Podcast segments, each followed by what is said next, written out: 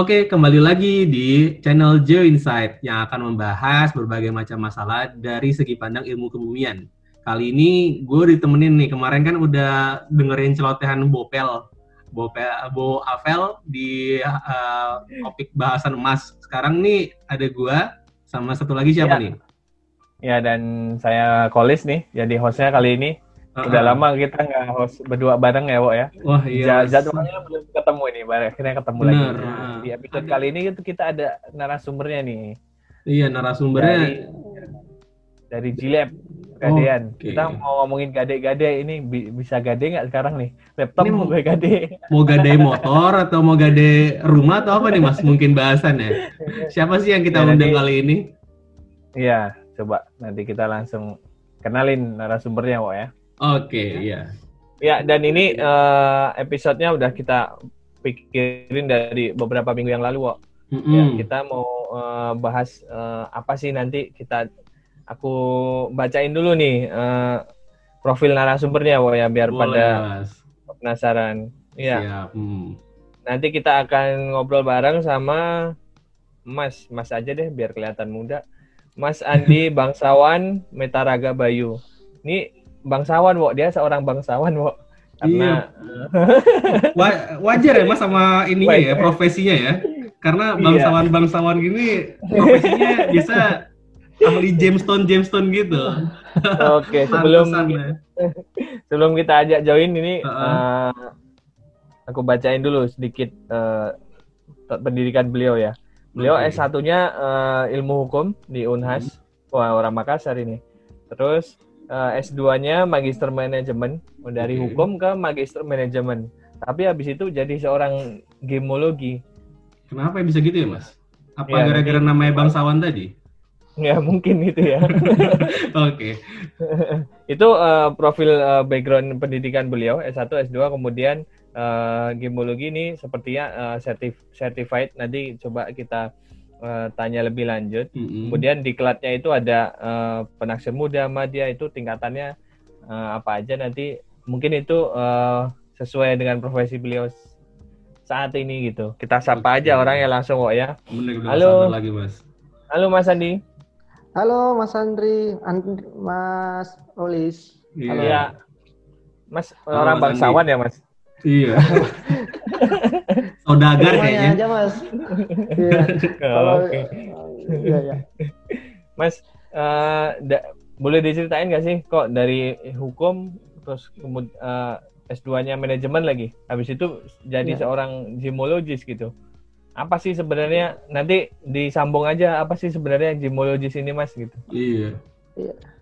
Jadi uh, pada saat saya bergabung di PT Pegadaian tahun 2010 itu kan saya uh, masih sarjana hukum istilahnya. Hmm. Jadi begitu masuk uh, berbaur dengan uh, bisnis, saya perlu ilmu yang mendukung itu. Makanya saya ngambil S2. Nah, kemudian uh, di tengah jalan dibuka beasiswa untuk uh, setingkat diploma ya gemologi ini. Hmm itu kebetulan kemarin uh, studinya di Bangkok di Thailand di AIGS atau ASEAN Institute of Gemological Sciences tuh. Hmm. Di Indonesia Jadi, belum ada tuh.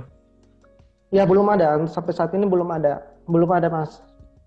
Oke okay. dan itu ya. cuma setahun ya apa berapa lama? Ya kurang lebih efektifnya kurang lebih seperti itu enam bulan sampai setahun. Jadi oh. uh, kenapa tempatnya nggak ada di Indonesia? Karena mungkin uh, pemahaman saya source-nya nggak ada. Uh, dalam hal pengolahan data, dalam hal ini spesimen uh, sampel itu kebetulan yang kalau di Asia yang paling lengkap itu di Thailand. Bahkan oh. untuk uh, kelas GIA buka sekolah di situ di oh, okay. Bangkok, Thailand, ya Mas. Oke. Okay. Ini terlalu tegang ya kalau saya. Sebenarnya apa sih Mas gemologi ini Mas? Jadi gemologi ini ialah uh, kalau gemologi ya, kalau gemologi uh. ialah ilmu yang mempelajari permata atau batu permata alami dan buatan itu. Jadi ilmu oh. yang mempelajari. Hmm. Orangnya namanya gemologis. Hmm. Kalau disiplin ilmunya ya. ya ya disiplin oh. ilmunya itu gemologi. Oh, iya, nah ini iya. gemologi dianggap sebagai ilmu bumi dan turunan dari mineralogi, walaupun secara secara kurikulum berbeda karena uh, gemologi itu tadi yang mempelajari permata. Oh, kalau okay. mungkin kalau mineralogi secara turunan lebih detail dan spesifik mm -hmm. lagi dari proses pembuatannya sampai gimana ya itu perbedaannya di situ sih.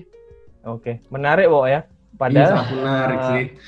Apa backgroundnya nggak ada geoscience geoscience ya, tapi Betul. bisa kalau ngambil uh, gemologi. Iya, unik unik unik ya. Iya. Berarti semua background boleh atau emang karena tempat kerjanya mendukung itu atau gimana mas? Uh, sebenarnya sebenarnya semua background uh, mendukung tapi uh, setidaknya sebelum masuk ada uh, basic skill yang sudah ada. Jadi uh, misalnya saya nih sebelum masuk ke sana saya di Pegadaian sudah mengikuti uh, diklat atau pendidikan latihan yang namanya penaksir muda kurang lebih tiga bulan, kemudian uh, tingkat untuk intermediate penaksir madya. Nah ini uh, mempelajari batu mulia dalam hal ini hmm. berlian khusus secara umumnya aja, bukan secara detail seperti yang ada di gemologis. Nah dari dari basic inilah kita masuk ke sana ke EIJS itu oh, untuk okay. memperdalam gemologi ya. Oke, okay. kalau dari aku sendiri ya mas, dulu aja belajar mineralogi itu udah sulit banget gitu. Uh, untuk yang tadi kayak training tiga bulan itu apa udah cukup ya untuk lanjut ke gemologi soalnya beneran banget di pengalaman pribadi mineralogi yeah. selama enam bulan aja ambil SKS itu udah sulit mas. Challenge-nya luar biasa berarti ya mas untuk mengambil pelatihan ke gemologis itu. Tapi kita ini apa nggak nggak nggak uh, mineralogi kita nggak mempelajari itu. Jadi kita hanya untuk identifikasi aja. Jadi uh, kalau hanya kulit kulitnya aja, hanya hmm. untuk memastikan identifikasi sampai tahap oh. itu. Kalau mineralogi kan sampai ngafalin nih spesies hmm. ratusan Biasanya. bahkan sampai ribuan jenis-jenisnya. Hmm. Ya kalau kita hmm. hanya identifikasi dari uh, batu permata atau batu mulia itu gitu. Oke, berarti ujungnya nanti bisa ngidentifikasi oh ini misal berlian palsu apa enggak gitu ya. Hmm. Ya. Oh, Oke. Okay. Menarik Wo ya. Ini Wo satu, baru, baru tahu juga aku sebagai seorang geoscience. Iya, nah, ternyata ada, ada yang kayak gini ya. Seperti itu gitu ya. Uh, uh. ya, ya. Walaupun segmennya terbatas. Betul betul. Nah, gara-gara segmen terbatas ini kan profesinya jadi sangat rare ya, Mas. Masih masih jarang lah. Makanya ya. itu kita mau tahu nih di sini menggali lagi apa itu batu mulia itu. Uh, menurut dari pemahaman Mas Andi, apa sih arti dari batu mulia itu sendiri? Apa karena itu sangat jarang atau uh, valu valuasinya itu gimana di masyarakat?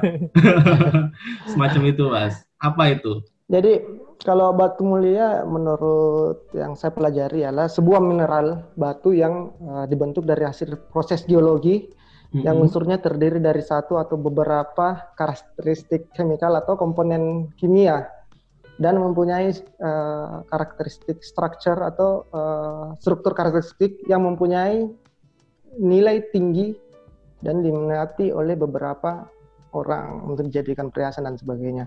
Nah, batu mulia ini uh, harus melewati tahap uh, pemolesan sebelum dijadikan gems gitu. Jadi bedanya kalau uh, mungkin kalau kita meneliti itu sudah dalam keadaan sudah terpoles gitu identifikasinya di situ hmm, itu okay. sih uh, peman nah menurut bahan dasar pembentukan batu mulia itu uh, ada dua jadi ada yang organik dan anorganik kalau organik itu yang elemen kimianya yang uh, mengkristal atau yang biasa kita sebut dengan uh, strict, uh, crystal structure Uh, misalnya hmm. seperti kalau diamond uh, elemen kimianya karbon dan sebagainya. Nah, kalau misalnya anorganik itu elemen yang berasal dari substansi makhluk hidup. Hmm. Misalnya ini mutiara, uh, ivory atau gading ya. Ivory hmm. bahasa Indonesia yang gading, uh, ember, koral dan lain-lain gitu. Oh, itu gitu. sih menurut menurut ini. Wah, ternyata seperti itu. Jadi ivory itu dari gading ya Mas gitu ya? apa euforia lah Gading.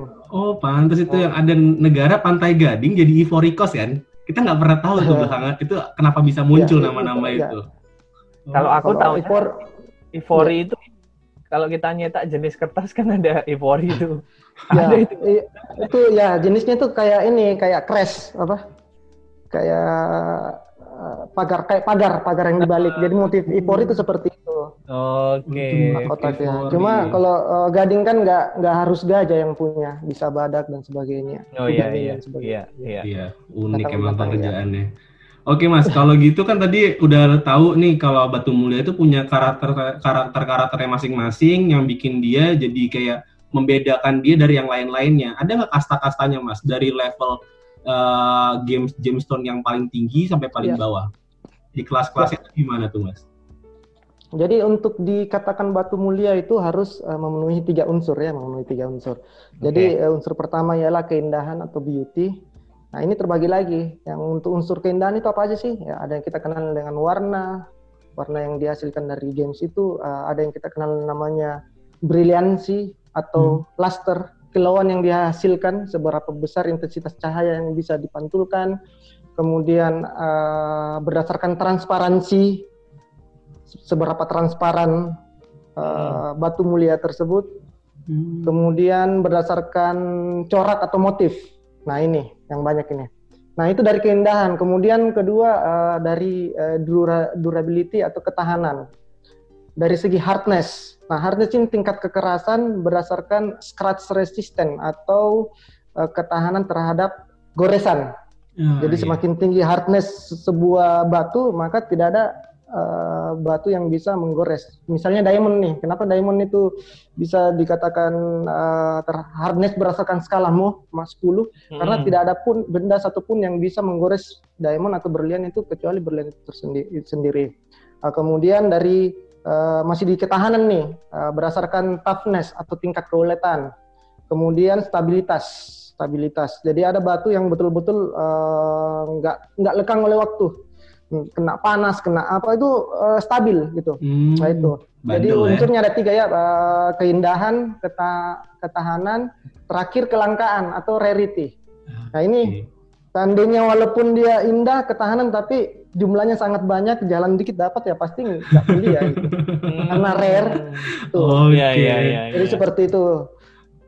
Uh, batu oh, mulia. Okay. Di bawahnya itu ada namanya batu semi mulia yang hmm. hanya memiliki beberapa unsur tapi uh, tidak memenuhi unsur semuanya seperti itu. Okay. Jadi kalau dikatakan batu mulia harus memenuhi tiga unsur itu. Harus ya, itu hmm. kudu ya tiga harus. itu. Ya, kalau ya, misalnya ya. warna bagus, terus endurance kuat misalnya kayak quartz ya, kan ada ya. warna-warnanya harus tapi ya, ya, ya, ya. itu bukan gemstone ya? Uh, maksudnya kategorinya bukan batu mulia, tetap gems bukan, tapi bukan hmm, batu mulia. Ya. Oke. Okay. Istilah, kalau istilahnya kalau uh, bahasa Inggrisnya kan precious stone. Uh, uh, precious. Batu mulia yeah, precious yeah. stone. Uh, di, kan ditanyakan tadi kastanya, di bawahnya ada namanya semi precious stone. Semi. Jadi semi batu mulia.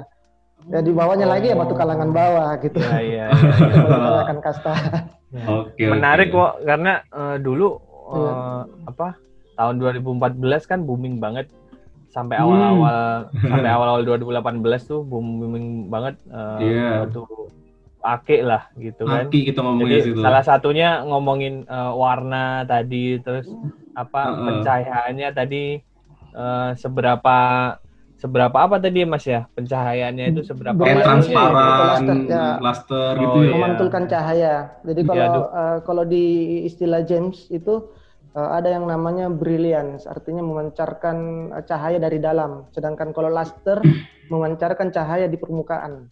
Okay. Uh, misalnya berlian atau adamantine itu memiliki luster tertinggi. Jadi ibaratnya seperti kaca mobil nih. Itu kan transparan hmm. tapi dia bisa memantulkan yeah. 100% cahaya. Jadi kalau dilihat lah ini kayak cermin gitu.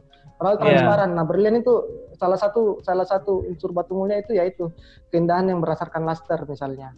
Oh, Jadi iya, khusus iya, untuk iya. keindahan itu banyak banget. Uh, ada juga yang namanya fenomena. Fenomena. Jadi setiap batu itu mempunyai fenomena. Ada yang namanya asterism yang seperti efek uh, star, ada hmm. yang cat's eye, ada color change yang bisa ber berubah warna ketika uh, mendapatkan cahaya.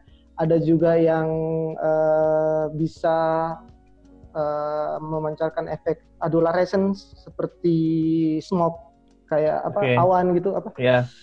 Oh kayak ini ya. ya. Kayak fenomena-fenomena gitu kabut, ya. Kabut-kabut gitu ya dia ya. Ya, kabut-kabut seperti uh -huh. biasa kalau kita di apa di filter kalau bikin Insta story kan misalnya Iya. Gitu, gitu ya. Itu, itu ada kalau di batu oh, ada, ya? fenomena. Iya. Oh, Ada ya juga makanya fenomena oriental yang seperti uh, di pearl atau mutiara. Jadi hmm. seperti kalau minyak jatuh di air itu kan warna-warni seperti ya, itu. Benar. Itu efek. Hmm. Itu ya fenomena. Itu juga oh. salah satu yang memenuhi unsur batu mulia.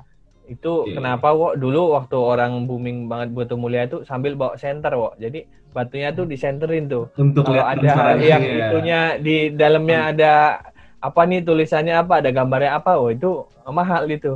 Oh gitu ya. Jadi ngelihat ya, iya. di dalam ya benar-benar. Oke. Okay. Mm, mm, mm, nah, Mas uh, batunya sebenarnya apa aja sih uh, yang digolongkan uh, sebagai batu mulia gitu?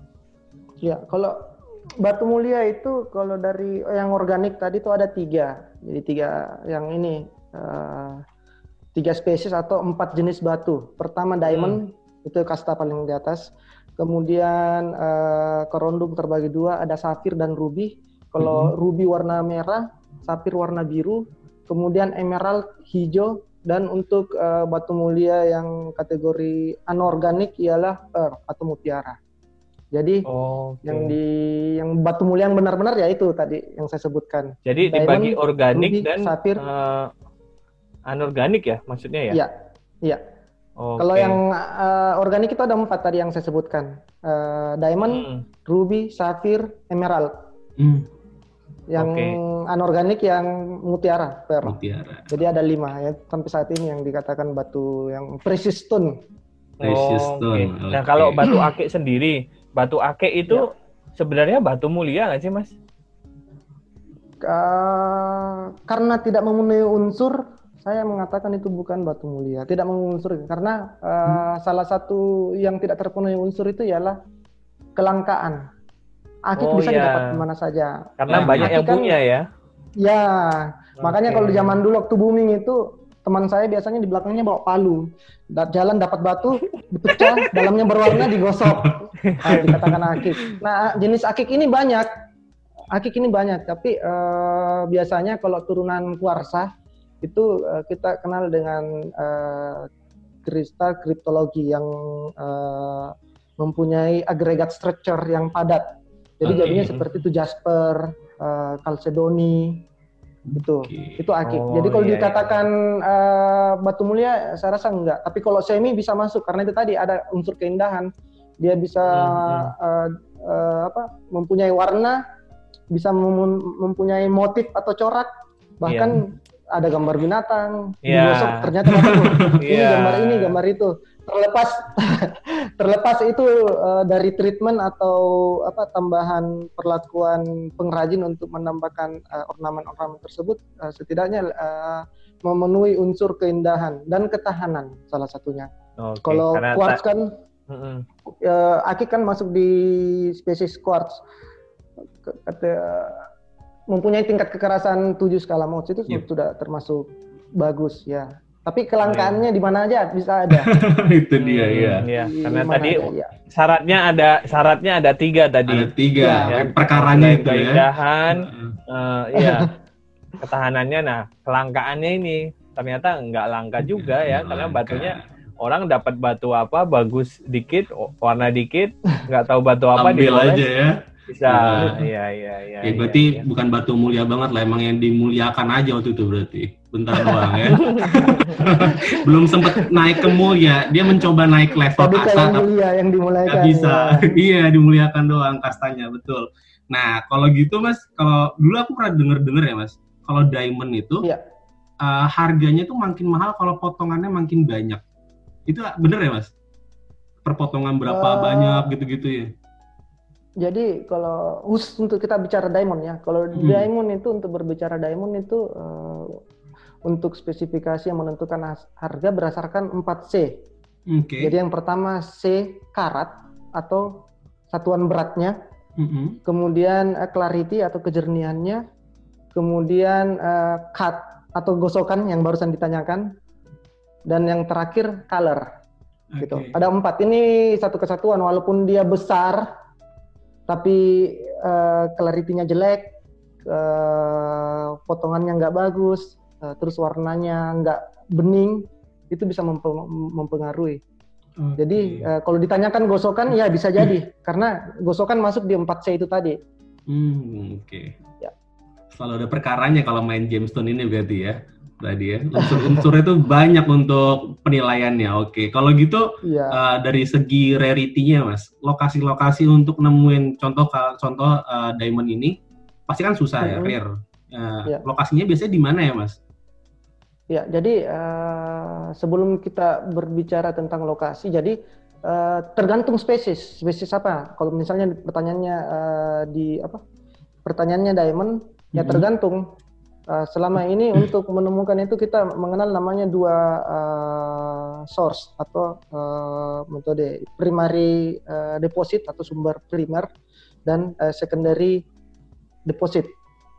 Ya, kalau misalnya uh, primary deposit itu aktivitas yang dilakukan untuk mengeksplorasi langsung ke perut bumi. Jadi ada ada kajian-kajian, ada ada ekosistem yang dibangun di mine atau di tambang, kemudian ada hmm. aktivitas hmm. itu.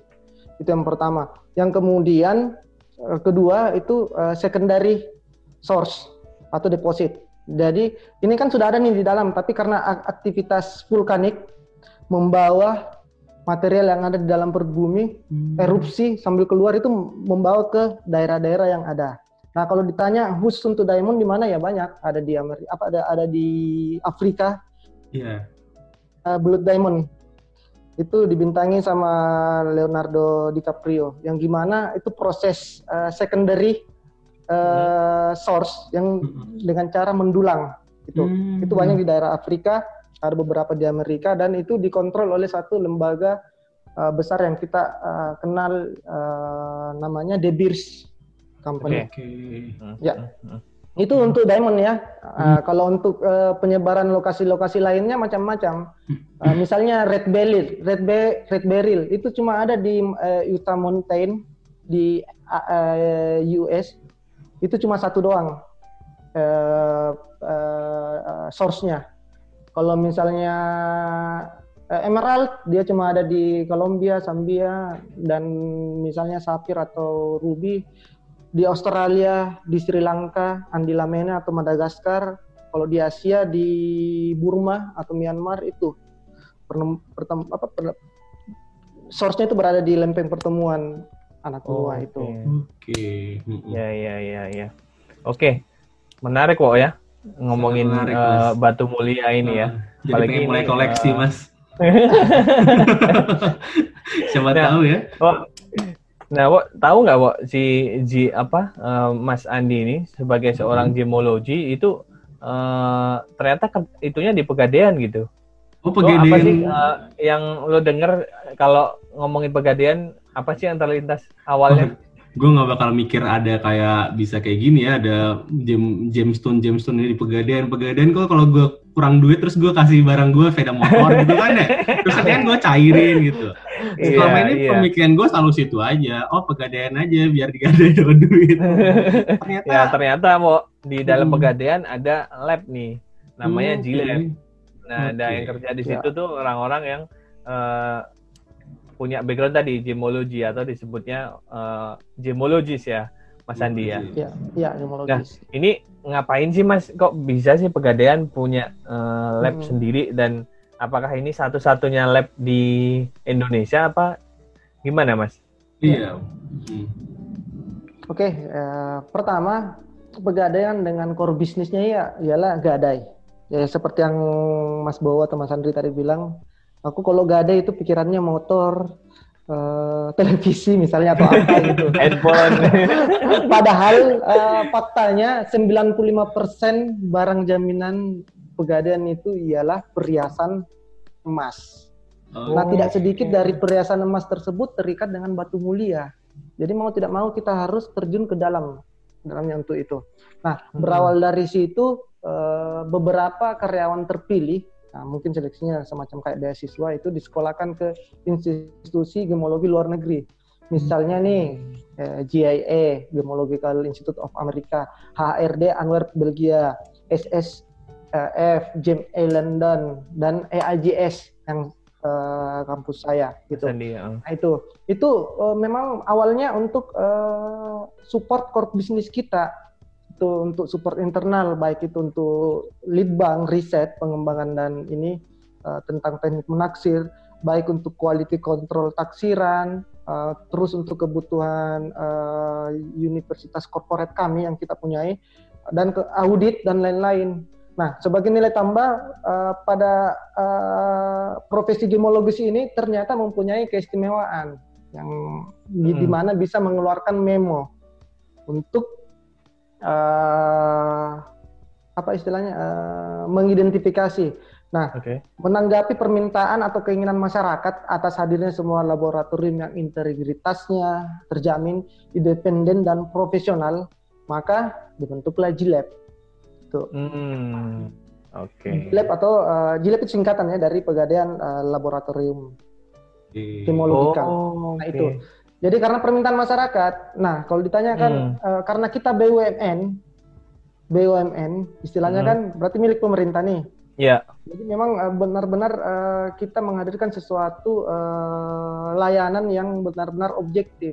Karena kita ya itu tadi saya bilang uh, Gilab yang merupakan suatu departemen yang di Pegadaian mempunyai jasa uh, identifikasi uh, identifikasi sebuah batu mulia.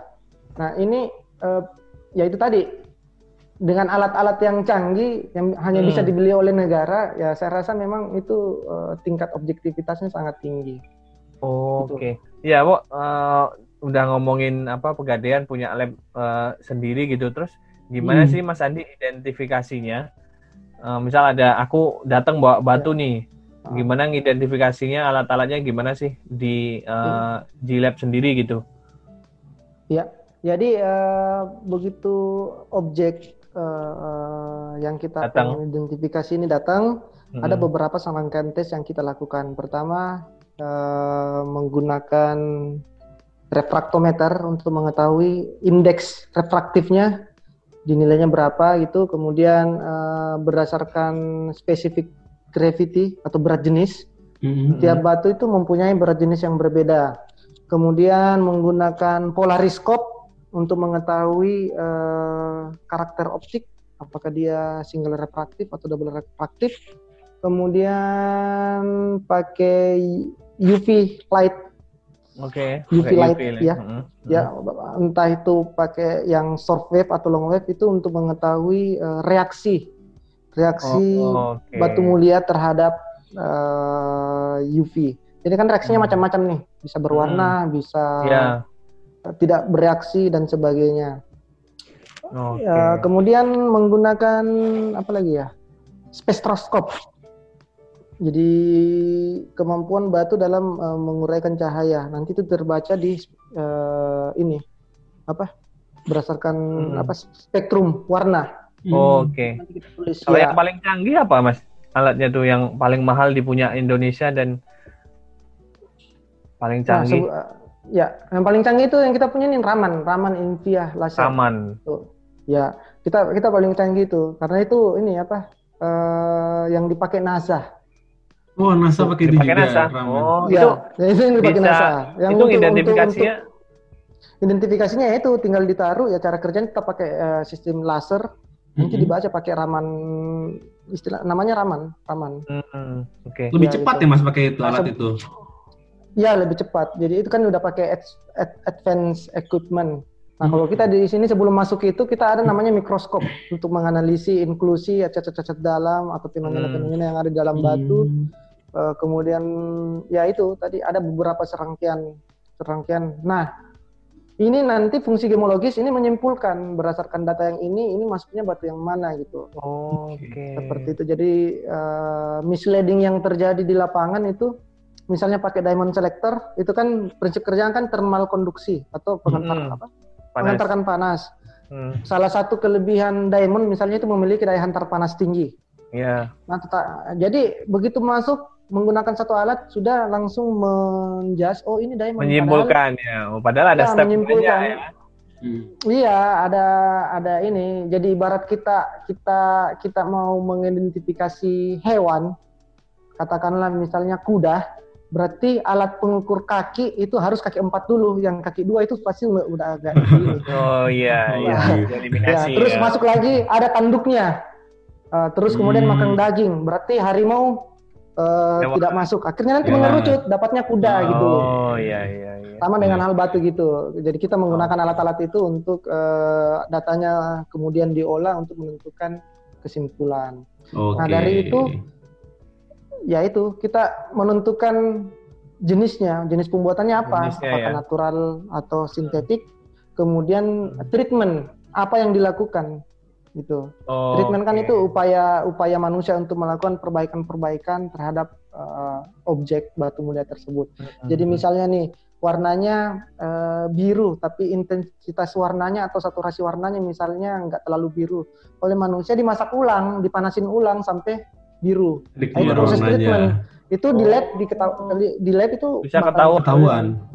Ya, Dan untuk mengidentifikasi satu batu itu mas berapa lama sih yang dibutuhin? Uh, tergantung sebenarnya. Jadi tergantung tingkat kerumitannya dan jenis batunya apa. Kalau kita eh, berdasarkan SOP kita itu uh, dua jam sampai sehari bisa. Okay. Tergantung jumlah nasabah itu. Itu harus dipotong-potong dulu batunya.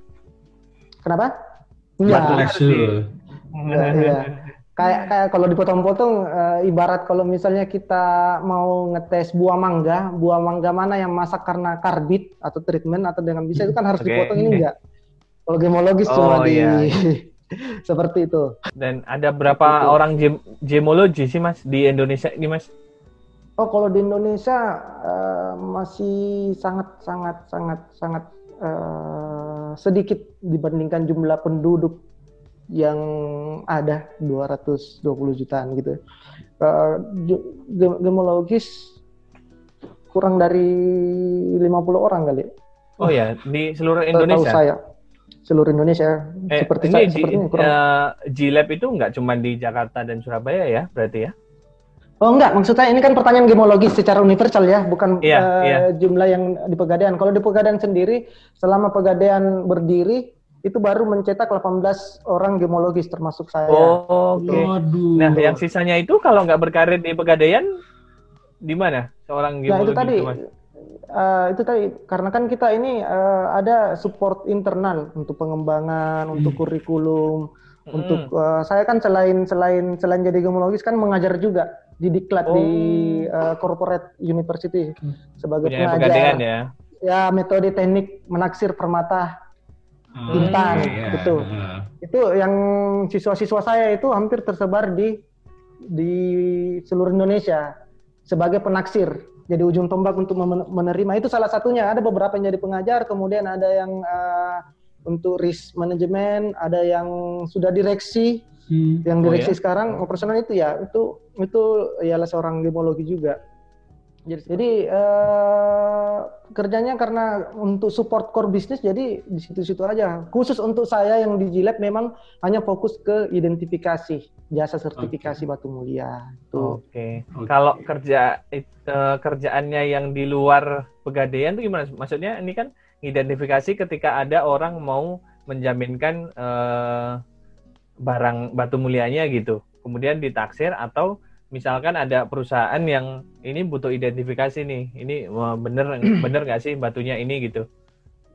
Uh, jadi uh, itu jasa identifikasi ya jasa. Jadi kita memberikan jasa. Nah, contohnya nih, Mas Olis datang, mm-hmm. datang datang datang ke kami, uh, Mas, ini batu apa sih? Nah dengan jasa saya, saya membuat brief ini jenis batunya apa, proses eh, pembentukannya seperti apa, ini treatmentnya seperti apa, itu nanti terlapor dalam sebuah brief.